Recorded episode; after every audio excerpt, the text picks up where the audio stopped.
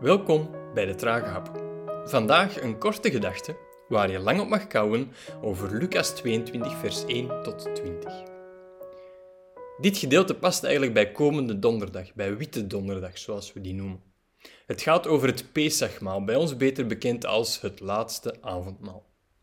Dat is wellicht de bekendste maaltijd uit de geschiedenis, afgebeeld op massa's schilderijen en wekelijks herdacht door zo'n 2 miljard christenen.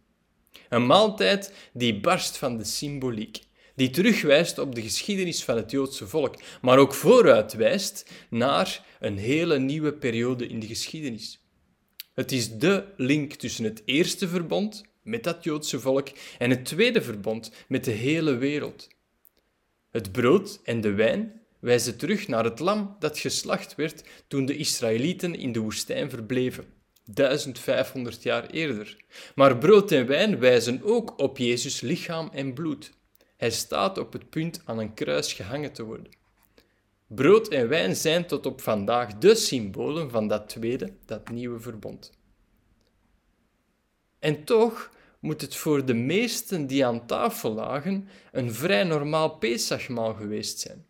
Goed, Jezus zit mee aan tafel en dan weet je natuurlijk wel dat het normale bijzonder is. En hij kondigt nog een keer zijn lijden aan, maar toch. Er wordt brood en lam gegeten en wijn gedronken. Jij of ik zouden eigenlijk evengoed plaatsgenomen kunnen hebben. Je moest er niks speciaals voor kunnen of veel geld voor neergeteld hebben. Het was niet zoiets als het exclusieve nieuwjaarsconcert in Wenen. De discipelen waren per slot van rekening een zootje ongeregeld en er zit zelfs een verrader, ogenschijnlijk onschuldig, mee aan tafel.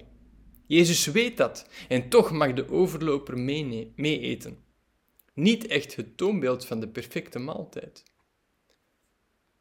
Ik zie deze maaltijd als een soort kruispunt. Een punt waarop traditie, het Pesachmaal, dat al eeuwenlang gevierd werd, en het dagdagelijkse, samen eten met familie of vrienden, elkaar ontmoeten. Een maaltijd met een bijzondere diepgang die ons in deze week erg mag raken. Zoals zo vaak in de evangeliën blijkt eten de aanleiding tot dieper nadenken. Kou er maar verder op. Smakelijk!